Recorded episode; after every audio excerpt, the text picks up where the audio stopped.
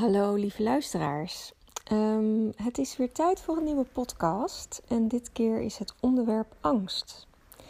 En nou, dat is niet een heel vrolijk onderwerp zou je zeggen, maar ik werd uh, geïnspireerd door iemand op Instagram uh, om het over dit onderwerp te hebben. Uh, omdat angst natuurlijk wel best een beetje een dingetje is, hè? We zijn wel veel bang met z'n allen. En wat is nou precies wat is angst precies en hoe werkt het eigenlijk? En ik moest, um, toen ik erover na zat te denken, wat ik erover zou vertellen, denken aan een film die ik ooit zag. Een, een enge film. En daarin um, uh, nam het monster de vorm aan van jouw grootste angst. En ik vond het heel uh, symbolisch, omdat het eigenlijk ook een beetje um, weergeeft wat er gebeurt, wat er echt eigenlijk gebeurt. Namelijk dat alles waar je angstig voor bent, uh, dat trek je naar je toe, omdat je er op een onbewust uh, niveau aandacht aan geeft. En aangezien wij allemaal lichtwezens zijn en uiteindelijk uh, liefde ons hoogste goed is, zal de kosmos er alles aan doen om jou terug te brengen naar het licht. En dat betekent dus in, um, in essentie dat je door de angst heen moet bewegen. Uh, dus zie het maar even als een ui. de kern van de ui dat is dat, dat lichtwezen. Uh, maar er zitten allemaal lagen omheen van angst. En um, het leven is erop ingericht of functioneert op een bepaalde manier deze matrix waar we ons in bevinden, deze boeddhistische illusie, illusie of maya, zoals ze het noemen, is erop gericht om jou um, door die angstlagen heen te laten werken. Alleen willen we dat niet zijn we daar zo nodig nog angstiger voor. Hè? Er is ook niet voor niets een uitdrukking dat, dat, dat je banger kunt zijn voor de angst dan, dan daadwerkelijk, hè, daadwerkelijk bang zijn voor hetgeen waar je bang voor bent. Mensen zijn angstiger voor de angst zelf dan voor hetgeen waar ze eigenlijk, waar de, wat de angst representeert. Um, dus je kunt je misschien voorstellen dat het heel veel extra uh, verdichting en extra schaduw met zich meebrengt. Um, omdat we het simpelweg niet in de, in de ogen durven kijken. We willen er niet doorheen. En in diezelfde film, die dus nou ja, achteraf best wel symbolisch bleek te zijn, uh, was um, ook de oplossing, of eigenlijk de, het medicijn. Ik weet niet meer hoe die film heet trouwens. Het is echt, uh, die heb ik echt in mijn jeugd gezien. Uh, maar die is me dus wel, altijd bijgebleven. Maar was het medicijn om het monster te bestrijden, of, het, of het, de, de remedie om het monster te bestrijden, was om hem um, in de ogen te kijken. Dus om je angst in de ogen te kijken. En zo, zo werkt het een beetje met angst. Nu is het zo dat, er, uh, dat wij um, als ascensieplaneet op dit moment in een hele bijzondere tijd leven. Omdat we, nou ja, er is allemaal, er is veel gaande. Maar er is ook achter de schermen veel gaande. En als je het hebt over het uitzuiveren van um, deze planeet en de energie en zijn bewoners. Um, dan moeten er nogal wat lagen van angst worden doorgewerkt. En um, uh, er, zijn, er is nogal wat weerstand. Er is op bepaalde niveaus ook heel veel weerstand. En er zijn ook collectieve krachten aan het werk om ons misschien uh, daarin tegen te werken. ik bedoel, het is niet. Het is gezegd dat ze niet gaan winnen, hè, die, die donkere krachten. Uh, maar ze zijn er wel. En een van de middelen die donker te ja, op zichzelf wel eens inzet, of donkere krachten, of hoe je dat wil noemen. Ik ben niet zo heel erg van de complottheorieën, omdat ik geloof heel erg in, um, in het licht. Maar um, uh, ik geloof wel dat er duistere machten aan, uh, ja, dat er duistere machten ook uh, bepaalde dingen beïnvloeden. Um, voor, voor meer informatie daarover kun je natuurlijk het boek Cosmic Woman lezen van Tessa. maar je kunt ook zelf googlen. Uh, op allerlei, nou ja, op conspiracy theory, om dan te gaan kijken wat daar dan allemaal uh, op komt. Uh, nogmaals, ik ben er niet zo van. Ik ben er niet zo van om daar helemaal in te duiken, omdat ik geloof heel erg dat angst ook angst voedt. Dus op het moment dat je daar je mee bezig gaat houden, dan en nou ja, is een beetje down, dan ga je down the rabbit hole, zou ik maar zeggen. Dus dan wordt het een soort van opeenstapeling van, uh, van negativiteit. Ik weet wel dat ik ooit boeken uitgaf van uh, Marcel Messing en dat ik wel eens met hem een discussie had gehad over dat hij tegen mij zei van ja, maar Donata, we moeten wakker worden. Hij heeft ook een boek geschreven dat heet ook Wij worden wakker. Dat hij, dat hij zei tegen mij ja, we moeten wakker worden. En er zijn allemaal machten, de, donkere, duistere machten aan de, aan de gang en daar moeten we ons tegen verzetten. En ik had altijd zoiets van, nou ja, het zal wel, weet je wel. En niet om, niet om het te ontkennen, want ik geloof ook echt wel dat het gebeurt. En dat, er, dat, er, hè, dat we worden tegengewerkt op een bepaalde manier. Maar ik geloof gewoon dat het licht wint. Punt. Maar als je het hebt over die donkere machten en over de, ehm, de, de invloed die zij proberen uh, te hebben, dan zijn, uh, dan zijn er ook bepaalde um, technieken die zij gebruiken. En een van de technieken is het uh, werken op angst. Uh, want ze weten gewoon dat dat, nou ja, dat, dat werkt hè, met de mens. Dat we zijn gewoon vaak bang. En we zijn veel bang. Dus wat doen ze dan? Dan gaan ze bijvoorbeeld um, um, echt werken op, nou ja, bijvoorbeeld op de media. Dus dat er allerlei foute berichten worden gepubliceerd die helemaal niet waar zijn. Dat er een soort van sneeuwbaleffect ontstaat van leugens, valse, waar, valse waarheden, dat soort dingen. Um, en een van de dingen die nu bijvoorbeeld onlangs, um, die onlangs nou ja, er in het nieuws zijn, is het coronavirus. ik las toevallig in een van mijn gechannelde blaadjes, of in een van mijn gechannelde teksten, dat, um, nou ja, dat het coronavirus eigenlijk ook weer een voorbeeld is, of eigenlijk een soort van, van uh, ontstaan is om ons heel duidelijk een keuze te geven: te verdwijnen in de angst of uh, te vertrouwen. Dus het vertrouwen te houden. En er stond geloof ik letterlijk in die, in die tekst iets van als je uh, vertrouwen houdt in het, in het licht en je houdt het vertrouwen van gezond te blijven onder alle omstandigheden, dan zul je ook niet geraakt worden door dat virus. Um, dus het is ook een virus wat heel erg lijkt op dat monster in die film. Als je er bang voor bent, dan komt hij naar je toe.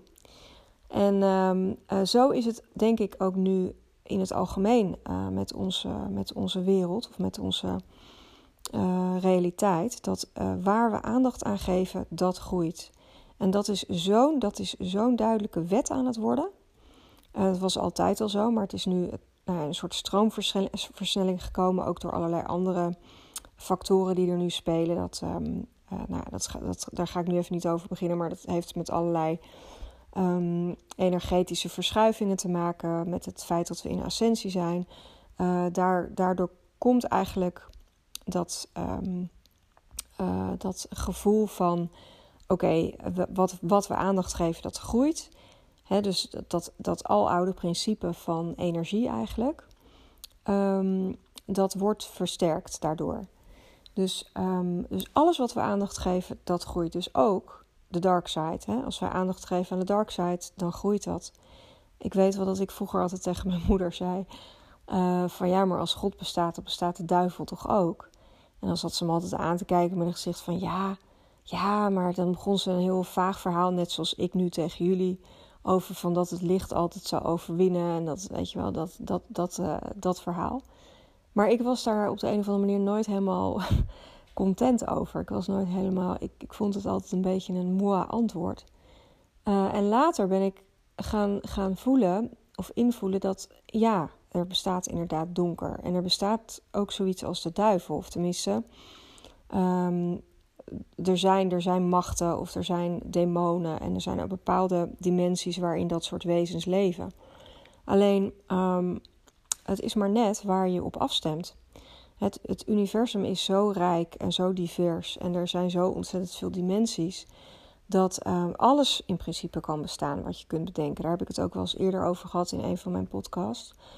Um, maar waar wij in uitgedaagd worden en waar wij in getraind worden en waar wij ook in uh, worden klaargestoomd, uh, is juist het terugkeren naar het licht. Dus uh, we kunnen als het ware, als wij licht zijn, ook nooit lang in, een, in een dimensie verblijven of in een energie verblijven die niet van licht is, als je begrijpt wat ik bedoel. Dus je kunt altijd tijdelijk afdwalen. Je kunt altijd tijdelijk in een hel tussen aanhalingstekens terechtkomen. Of dat nou mentaal is of hè, fysiek of uh, in een, daadwerkelijk in een andere dimensie als je bijvoorbeeld overgegaan bent. Maar het is altijd tijdelijk. Want je bent van licht. Je bent een, een wezen van liefde en licht. Dus je zult nooit, um, uiteindelijk zul je door nou ja, wellicht schade en schande ontdekken uh, dat je vrije wil hebt. Dat je kunt kiezen voor het licht. En dat je dus ook dat het geen werkelijke macht over je heeft. En als je dat op een gegeven moment echt gaat, gaat ownen, je gaat dat echt voelen, dan, nou, boeit, dan boeien al die dimensies niet. Want eigenlijk zijn dat, hè, wordt ook wel eens gezegd van donkerte of schaduw is eigenlijk alleen maar de plek waar geen licht op schijnt. Het is de afwezigheid van licht. Hè, maar dat is niet, het is niet um, um, het is niet zo dat, dat, dat, dat, nou ja, dat, dat het een soort van bestaansrecht aan zich heeft. Als je er licht op schijnt, dan is het al niet meer donker, hè? om het maar even zo te zeggen. Um, dus alles wat je aandacht geeft, groeit. En als je dus angstig bent, dan, zal je, dan, dan zullen er dingen in je leven komen waar je ook daadwerkelijk angstig voor uh, kunt um, uh, zijn dus het, eh, je, buiten, je binnenwereld bevestigt, of je buitenwereld bevestigt je binnenwereld. Dus alles wat jij in je buitenwereld ziet of meemaakt of ervaart, uh, dat is afkomstig eigenlijk uit, uit je binnenwereld. Op wat voor niveau dan ook heb jij dat in het leven geroepen. Um, ik zie ook bijvoorbeeld om me heen wel, zie je dat ook wel werken. Dat uh, mensen die bijvoorbeeld heel erg angstig zijn om beperkt te worden of om afgeremd te worden, die, die, ja, die, die worden vaak ook afgeremd. Die, die, die komen in situaties terecht waarin zij worden afgeremd. Mensen die bijvoorbeeld bang zijn om afhankelijk te worden, die worden afhankelijk. Dus je, je gaat eigenlijk je grootste angst ook leven als je uh, nou ja, daar niet voor, dat niet op een gegeven moment heelt of, uh, of lichter maakt zo, zo werkt het helaas. Dus uh, ja, of helaas, ik weet niet of het helaas is, maar in ieder geval zo werkt het. Dus je taak is eigenlijk, uh, of nou ja, je taak, hè, je moet het gewoon helemaal zelf weten hè, wat je voor leven creëert. Maar wat je, wat je wil, lijkt mij, is dat je um, een leven creëert vol met vreugde en mogelijkheden en licht en liefde. En als je dat wil, dan, uh, dan moet je je eigenlijk constant afstemmen op die energie. Uh, door het te zijn en door het te belichamen. En uh, dat gaat niet vanzelf. Het is niet zo dat je opstaat um, met een bepaalde energiefrequentie. Ik bedoel, natuurlijk zit daar natuurlijk een. Als je vaak mediteert of je oefent jezelf daarin, dan ga je wel merken dat het uh, vooruit gaat, omdat je sneller in afstemming komt. Maar het is wel een continu proces, want de aarde is een plek waar, waar je in principe in de stof zit en waar je in principe wordt neergehaald. Hè. Daar, is, daar is de zwaartekracht ook voor bedoeld. Om je letterlijk neer te halen, om je neer te zetten op deze aarde. Dus als je omhoog wil en je wil je energie verhogen, dan zul je daar wel iets extra's voor moeten doen. Dan zul je daarvoor in afstemming moeten gaan. Dan zul je daarvoor um, eigenlijk moeten trainen. Uh, totdat je het, uh, nou ja, een soort van bent. En ook niet meer hè, dat, dat de training ook niet meer zo rigoureus hoeft te zijn. Uh, maar je zal altijd op aarde zal je altijd daarin moeten blijven trainen. Dus je zal altijd jezelf weer terug moeten brengen naar nulpunt. En weer um, moeten afstemmen. Want dat, dat is nou eenmaal de aard van deze realiteit. Als we straks gaan ascenderen, we komen in 5D, dan wordt het weer een ander energetisch spelletje. Dus dan, um, dan wordt het misschien makkelijker. Maar voor nu ja, het is een, een, zeker in deze chaotische tijd, deze overgangstijd, is het gezaakt dat je je focust. Dat je je intentie zuiver houdt. Dat je iedere keer naar je hartcentrum teruggaat. Je hartcentrum is ontzettend krachtig. het, is, je kunt, um, het hart is eigenlijk de plek um, waar jij waar, het, waar je, je onderste chakra's en je bovenste chakra's samenkomen. Nou hebben we natuurlijk, weet eigenlijk niet of ik het al over de chakras heb gehad, vast wel. Maar we hebben uh, heel veel chakra's. We hebben niet alleen zeven of acht chakra's, zoals vaak wordt aangenomen. Maar dus, die gaan eigenlijk gewoon door naar boven en door naar beneden. Dus het zijn er veel meer. Um, en de plek waar die chakra's samenkomen, dat is het hart. Dat is een, eigenlijk een soort portaal. Het is ook de plek waar um, de energieën uh, worden uh, getransformeerd en worden verspreid door je lichaam. Dus de energie wordt er, wordt er in, in, als een, in een soort van wasmachine uh, getransformeerd. En het wordt op die manier zeg maar, verspreid door je hele lichaam. in, je, je bloed en in je aderen en in je energetische lichaam. Um, uh, dus je hart is een ontzettend belangrijk centrum eigenlijk van energie, een portaal. En als je dat weet, dan kun je ook um, uh, ervoor zorgen, of dan kun je eigenlijk voorstellen of visualiseren dat je hart uh, van donker licht maakt. Dat, dat het daar ook in principe voor gemaakt is. Het hart is het centrum waar in alle vroeging en alle verdriet en alle frustratie en alle woede en alles kan daarin worden getransformeerd. Het kan daarin worden um, catharsis beleven. Het kan daarin worden geheeld. Um, dat is eigenlijk het mooie ook aan ons hart. En we komen er nu ook steeds meer achter, godzijdank, uh, via allerlei wetenschappelijke onderzoeken, dat het hart een veel grotere impact heeft op ons um, uh, dan we misschien denken. Of dan we misschien dachten, laat ik het zo zeggen. Uh, net zoals onze buik bijvoorbeeld echt ons intuïtiecentrum is. Hè? Dus de hara noemen ze dat ook wel. Um, wat eigenlijk uh, helemaal zijn eigen intelligentie ook kent. Je schijnt ook dingen gewoon eerder in je buik aan te voelen dan ze door je hersenen worden gevat. Um, dus eigenlijk komt je buik eerst binnen ergens en dan komen pas je gedachten en je hersenen en je rationele mind komt dan er nog eens achteraan gehuppeld. En dan is er natuurlijk nog je hart. En ook als het gaat over je hersenen en je buik, dan is dus ook dat hart is weer het centrum waarbinnen die twee worden samengebracht. En um, je intuïtie en je mind worden eigenlijk samengebracht en, en ge, uh, ja, van een soort, ja, ik zou bijna zeggen van een soort power voorzien. Hè? Power is liefde. Eh, die uit, uiteraard in je hart zit. Uh, die worden, uit, worden dus samengevoegd in je hart en die worden van een soort power voorzien, um, van liefde voorzien, die ervoor zorgt dat je bepaalde acties onderneemt. Of nou ja, die, die eigenlijk alles aan, aanvoert wat je doet. Um, dus don't underestimate the heart. En als je steeds in je hart gefocust blijft en vanuit je hart uh, steeds alles, alle beslissingen ook terugbrengt naar je hart en voelt. En ook met je onderbuik erbij, je intuïtie. Uh, zuiver blijft, dan is er niets om bang voor te zijn. Want er is in essentie niets om bang voor te zijn. Ik zal het nog even herhalen. Er is niets om bang voor te zijn. Weet je, mijn moeder die zei altijd: ja, daar heb je er weer. Uh, de soep wordt nooit zo heet gedronken als die wordt geschonken.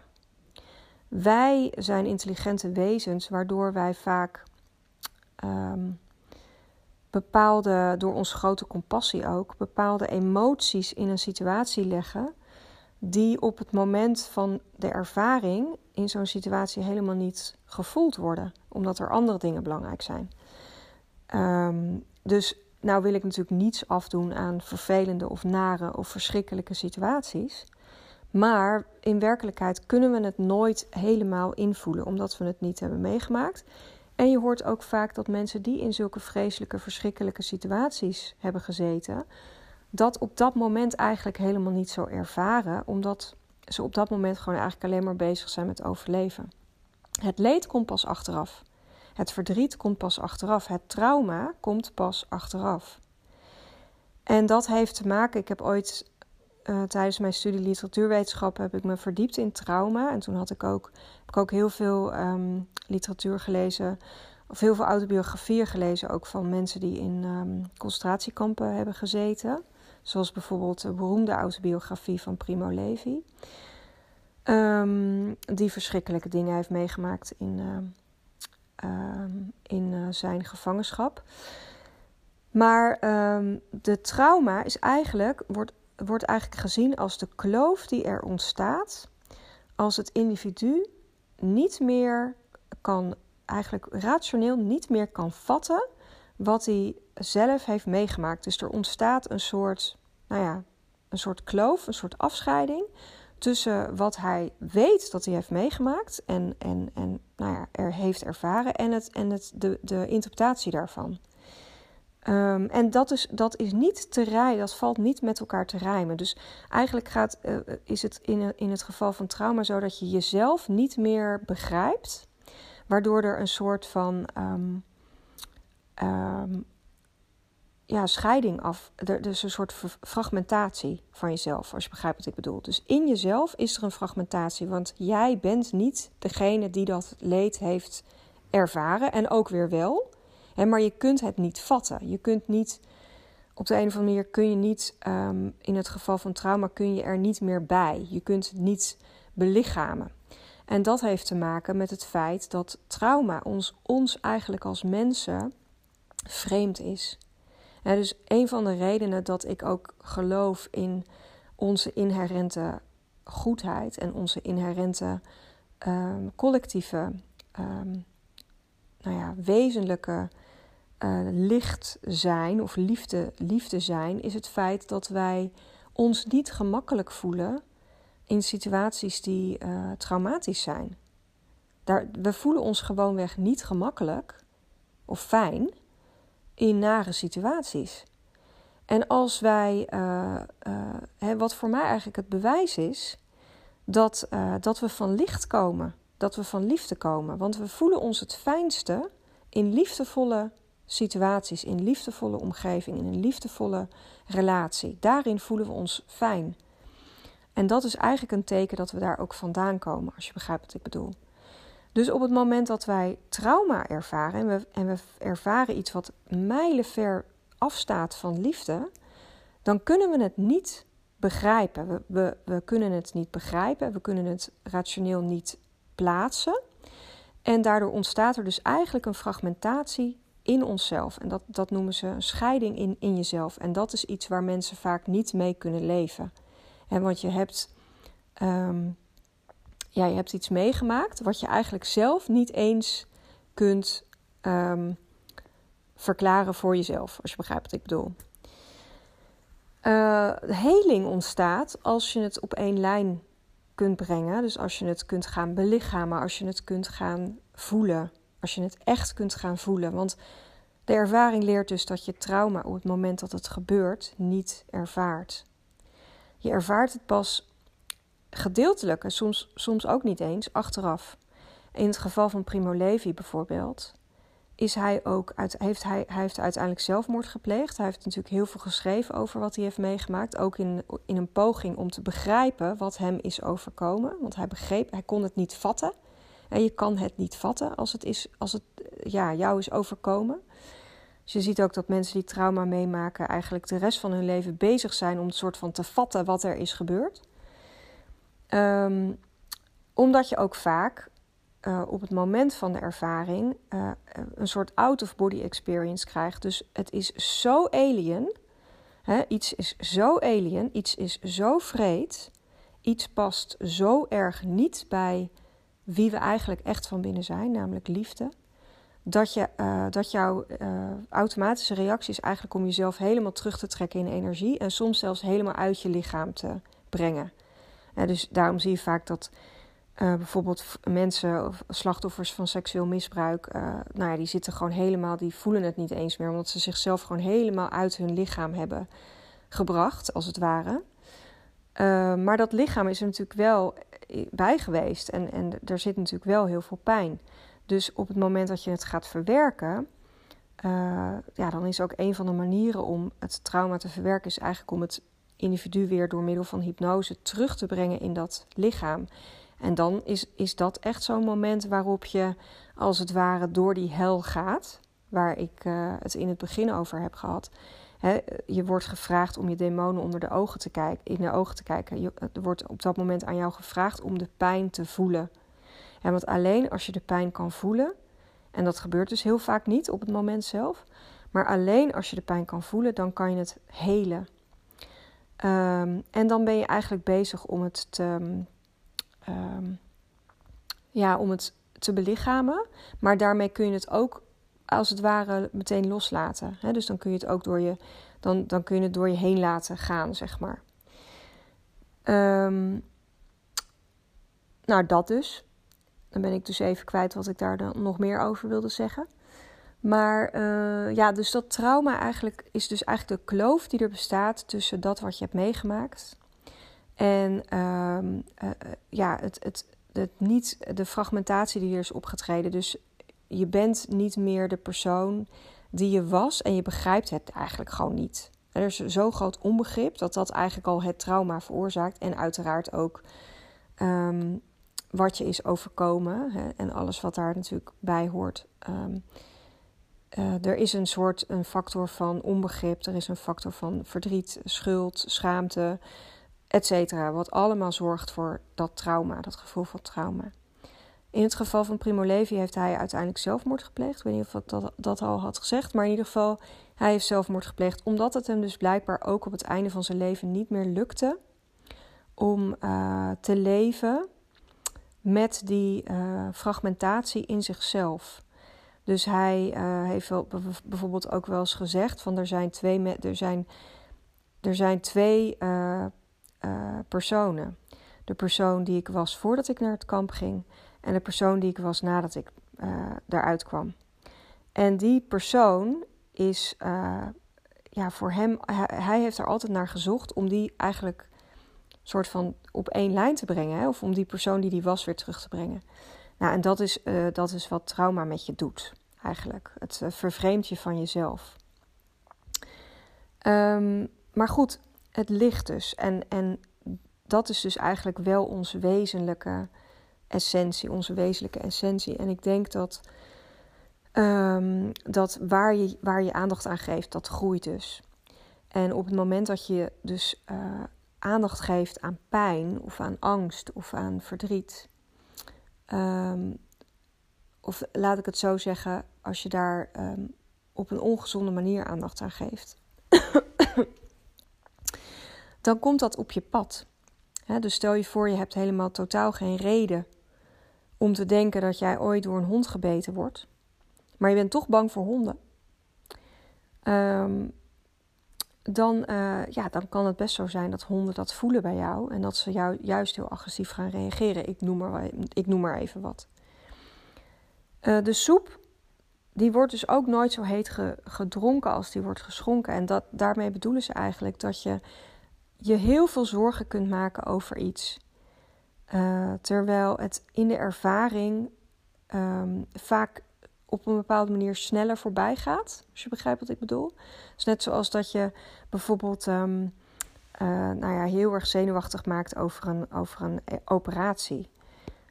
Uh, nou, of, laat ik een ander voorbeeld noemen. Mijn, mijn uh, bevalling bijvoorbeeld. Nou, dan kan je dus heel veel zorgen maken over hoe zo'n bevalling zal zijn. En dan, en dan ervaar je het. En het enige wat je dan eigenlijk op zo'n moment van extreme pijn kan doen, is in die pijn blijven.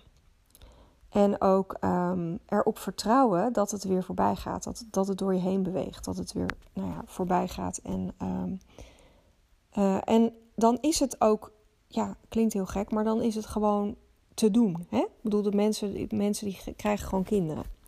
Dus het is hel. Ik bedoel, in de zin van dat het echt wel heel erg pijn deed. Ja, ja. Maar het was wel, achteraf gezien, uh, viel het eigenlijk wel mee. Dus, je, dus, je, dus je maakt je eigenlijk druk over iets of je bent angstig voor iets, wat eigenlijk in het moment zelf, um, uh, nou ja, helemaal niet uh, zo blijkt te zijn. En ik denk ook dat dat ook de uitdaging voor ons is. Is dat we heel erg in het nu blijven iedere keer. Dus dat we niet met onze gedachten ergens naartoe gaan uh, waar het vervelend is, of waar het angstig is, of waar het um, potentieel gevaarlijk is. Want uh, als we daar namelijk naartoe gaan, dan zullen, kunnen we daar altijd wel blijven. Hè, met onze gedachten. Er kan in principe altijd wel wat gebeuren. Er is altijd wel reden om ons zorgen te maken. Ik bedoel, je kan ook van de stoep vallen en gewoon heel verkeerd je hoofd stoten en dood zijn. Ik noem maar wat. Dus je, je, er is altijd wel. Er is altijd wel. Er, er is altijd angst. Of, of, of je kunt altijd wel een reden bedenken om angstig te zijn. Dat is eigenlijk wat ik ermee wil zeggen. Heeft niet zoveel zin. Is niet zo praktisch ook. Um, en buiten dat, mocht er iets gebeuren wat uh, vervelend is, uh, kun je nooit echt voorbereiden daarop. Want in werkelijkheid, mensen, is er niets waar je je echt helemaal ooit op kan voorbereiden. Het is altijd anders in de praktijk. Dus mocht jou iets vervelends overkomen, dan is het zaak je actief over te geven en te vertrouwen. Te vertrouwen op het universum, te vertrouwen op jezelf en op je eigen inherente kracht. Erop te vertrouwen dat het allemaal een doel dient, dat je er iets van leert. Ehm, er is ook zo'n uitspraak hè, van God. Uh, je krijgt niets te verduren wat je niet aan kan. Is er, is er zo eentje. En God houdt van je. Als je hoe zwaarder je het hebt, hoe meer God van je houdt. Er een of andere spreuk of zo, of een of ander gezegde in een of ander land. Weet het even niet. Het is vrij laat als ik deze podcast opneem, dus dan moet je me maar even te goed houden. Uh, maar actieve overgave. Want dan gebeurt er ook iets in je energie waarmee je afstemt op de kosmos en op, um, op het licht en op de liefde. Uh, waardoor je ook dat wat er gebeurt, wat misschien niet zo leuk is, tussen aanhalingstekens, hè, want dat is natuurlijk ook allemaal interpretatie en subjectiviteit en onze aardse realiteit, et cetera, uh, kun je dan ook beter dragen. Maar waarom zijn we dan eigenlijk? Waarom bestaat angst eigenlijk? Nou, ik denk zelf dat, dat angst een collectief uh, trauma is. Van alles wat we in, in vorige levens en vorige bestaans dat is niet echt een woord, maar je begrijpt wat ik bedoel, hebben meegemaakt. Dus angst is eigenlijk ook een soort herinnering. Het herinnert ons aan de verschrikkingen die we al hebben doorgemaakt. En um, we zijn eigenlijk nou ja, onbewust bang dat weer mee te maken. Dus het triggert iets um, in ons. Dat is, eigenlijk, uh, dat is eigenlijk waarom angst er is, überhaupt. Als we kijken naar onze um, gang van onschuld uh, richting wijsheid, richting um, verlichting, om het maar even zo te zeggen. Dan is het eigenlijk zaak, dan is dat ook zo'n cirkel hè, van je begint als onschuldig, nou ja, ongeschreven blad. Je maakt allemaal verschrikkelijke dingen mee en je leert een heleboel lessen. En je integreert dat en uiteindelijk brengt dat je weer terug of maakt dat je wijzer en wijzer en wijzer. Tot je uiteindelijk weer op een bepaalde manier terugkomt naar die onschuld, maar dan vanuit een andere invalshoek, namelijk dat je de dark side hebt gekend. En, en, en weet wat de dark side is. Ik noem het even de dark side, maar je begrijpt wat ik bedoel. Uh, maar dat je uit jezelf kiest voor het licht. En dat is, een, dat, is niet, dat, dat, dat is niet meer dezelfde soort onschuld uit onwetendheid, maar dat is onschuld uit zuiverheid. Snap je de nuance? Dat is dus ook de functie van angst. Dat is om ons terug te brengen bij die keuze um, te kiezen voor het licht eigenlijk, iedere keer. Te kiezen voor niet bang te zijn. Te kiezen voor vertrouwen moeilijk. Dat is het wel. Ik zeg niet dat het makkelijk is, hè, mensen. Dat is niet dat ik zeg dat het makkelijk is.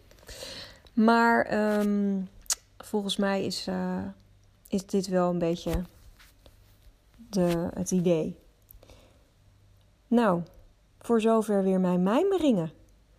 Ik uh, stop ermee uh, voor, voor deze keer. En ik vind het altijd leuk als jullie een review achterlaten op de iTunes. Daar zit enige vertraging op, heb ik begrepen. Want ik geloof dat ik pas twee weken later zo'n review te zien krijg. Maar dat maakt allemaal niet uit. Ik vind het gewoon leuk om ze te krijgen. En uh, dankjewel voor het luisteren. En tot de volgende keer. Maar weer.